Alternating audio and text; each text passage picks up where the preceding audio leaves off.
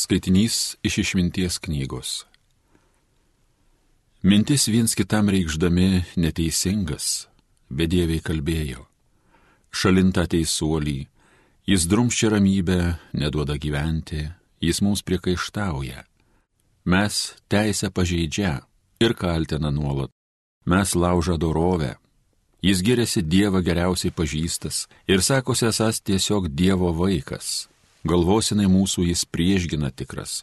Ir mums įkyrėjo jau vien tas jo žvilgsnis, netoks kaip kitų jo gyvenimas, visas. Jie eina keliais visiškai skirtingais. Mus laiko menkystėm ir mūsų kelią lyg kokį mėšlą iš tolo aplenkia. Jis teigia, teisuolis pabaigsęs laimingai ir gerėsi paisto, kad Dievas jo tėvas. Kokia čia teisybė, tuo jau pamatysim. Mes pažiūrėsim, kuo baigsis jo dienos. Mat jeigu teisuolis tikrai sūnus Dievo, tai Dievas jį gintų, vaduotų iš priešų. Tad imkim jį, bjaurot, gerai pakankinkim ir mes pamatysim, ar jis toks kantrutis, ištirsim, ar tikras tas jo nuolankumas. Mirtim negarbinga pasmerkim jį žūti, juk sakęs yra, jis sulaukia pagalbos. Jie šitaip galvoja, tačiau apsirinka, nes jų sugėdimas aklus juos padaro. Jie nieko nežino, ką paslėpė Dievas, jie netiki atlygio, teisėjam skirtų, tad tyrosios sielos garbės susilaukia. Tai Dievo žodis.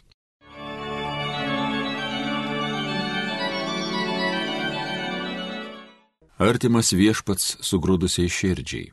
Nuo piktavalių nusigręš viešpaties veidas ir nieks nebeminės žemėje jų vardo šaukės teisėjai, juos viešpats išgirsta, iš visų nelaimių juos gelbsti. Artimas viešpats sugrūdusiai širdžiai. Artimas viešpats sugrūdusiai širdžiai, išvargintas sielas pagydo, daugel bėdų ištinka teisuolį, bet išvaduoja jį viešpats. Artimas viešpats sugrūdusiai širdžiai. Saugo viešpats jo visus kaulus, ne vienas jų nesulūšta, viešpats vaduoja saviškių gyvybę, sveikas išlieka kuris prie jo glaudžias, artimas viešpats sugrūdusiai širdžiai. Šlovėtau Kristau amžinosios garbės karaliau. Žmogus gyvas ne vien duona, bet ir kiekvienu žodžiu, kuris išeina iš Dievo lūpų. Šlovėtau Kristau amžinosios garbės karaliau. Iš Evangelijos pagal Joną. Tada Jėzus vaikščiojo po Galilėją Jis nenorėjo eiti judėjon, nes žydai jo tykojo nužudyti. Artėjo žydų palapinė šventė. Kai jo broliai iškeliavo į šventę, tuomet ir jis išėjo, bet ne viešai, o tarsi slapčiomis. Kai kurie Jeruzalės gyventojai klausinėjo, ar tik ne šitą nori nužudyti. Štai jis viešai kalba ir niekas jam nieko nesako Gal vyresnybė įsitikino, jog jis mesijas, tačiau mes žinome, iš kur jis kilęs. O kai ateis mesijas, niekas nežinos, iš kur jis. Tuomet Jėzus mokydamas šventykloje garsiai šaukė. Iš ties jūs mane pažįstate ir žinote, iš kur aš kilęs. Ne pats nuo savęs atėjau, bet tiesa kalbis yra tas, kuris mane atsiuntė o jūs jo nepažįstate. Aš jį pažįstu, nes iš jo esu atėjęs ir jis yra mane siuntęs. Tuomet jie norėjo Jėzų suimti, bet nie vienas nepakėlė prieš jį rankos, nes dar nebuvo atėjusi jo valanda.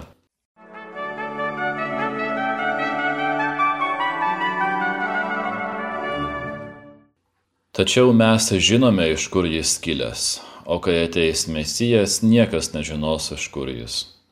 Buvo tikima, kad Mesijas gims Betlėjoje, tačiau tarp žmonių buvo pasklidusi nuomonė, kad jis gyvens slaptoje, kažkokioje nuošalioje vietoje, o galbūt net danguje, kol pagaliau pasirodys Jeruzalėje. Sunku pasakyti, iš kur atsirado toks įsitikinimas. Tiesą sakant, netoks jau ir klaidingas. Kaip žinia, Jėzus gyveno slaptoje, kol pradėjo savo viešąją veiklą.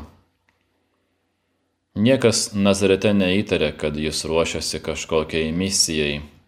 Tuo tarpu jis iš tiesų nužengė iš dangaus. Bet ir apie tai niekas nieko nežinojo. Jo motina Marija tylėjo, o Jėzus dar nebuvo iki galo atskleidęs savo tikrosios tapatybės. Todėl žydai ir mane, jog jie žino, iš kur Jėzus yra. Mes žinome, iš kur jis kilęs. Stebina, kaip dažnai Jėzus Švento Jono Evangelijoje įtikinėja, kad yra tėvo siūstas. Pašaukimas ir misija yra bibliniai terminai. Pranašus, teisėjus, karalius pašaukdavo Dievas ir juos siūsdavo į misiją. Jo labiau tai turėjo išsipildyti tame, kuris yra visų pranašyščių išsipildymas, tai yra Mesijas. Graikų tėvai švenčiausios trejybės slėpinį išreiškia misijos kategorijomis.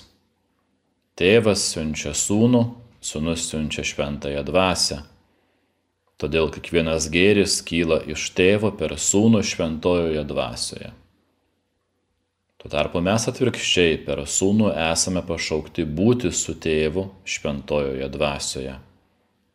Žodis misija neturėtų mūsų klaidinti Žmogiškoje logikoje mes ką nors siunčiame ten, kur patys nelabai norime eiti.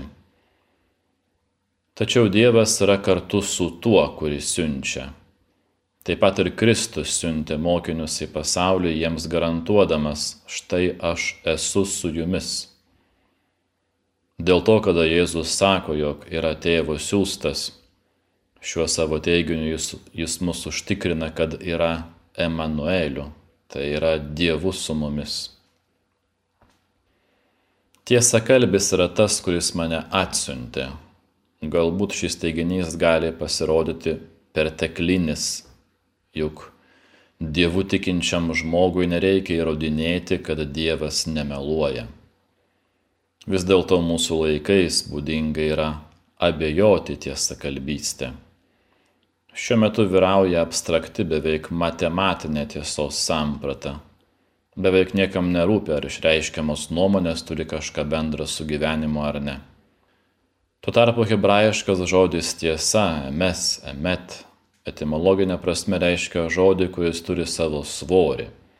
Tai yra žodis, kurio galima remtis. Biblijoje galima remtis tik tuo žodžiu, kurį taria Dievas. Dievas yra absoliuti tiesa. Dėl to Dievas yra dažnai lyginamas su uola, kuri gali prieš bet ką atsilaikyti. Tėvas, kuris yra tiesa, patikė savo misiją sūnui, kuris gali apie save paliūdyti. Aš esu tiesa.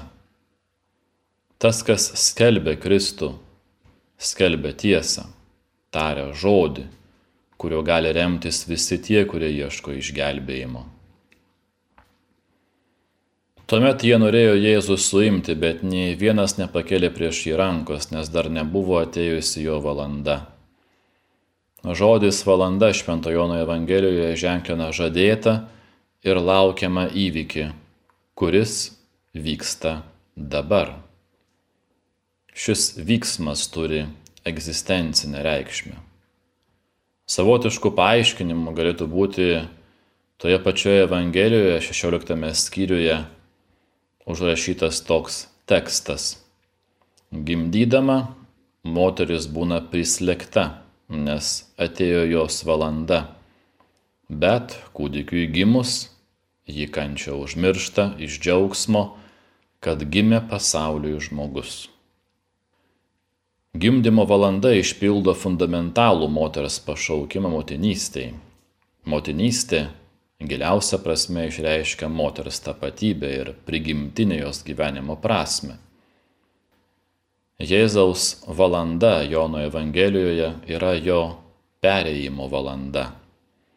Tai nėra vien tik jo mirtis, bet visas Velykų įvykis. Ir tai netgi nėra tos trys dienos iki prisikėlimo ar net keturiasdešimt dienų iki sėkminių. Švento Jono Evangelijoje visi chronologiniai įvykiai sudaro vieną tikrovę, jie yra vienas kitame. Todėl kryžius yra kartu Jėzaus šlovės valanda ir šventosios dvasios atsiuntimas. Jėzus nenumirė, jis atidavė dvasę. Taigi Velykų įvykis, Jėzaus valanda, pilnai atskleis jo tapatybę, tačiau dar neatėjo jo valanda.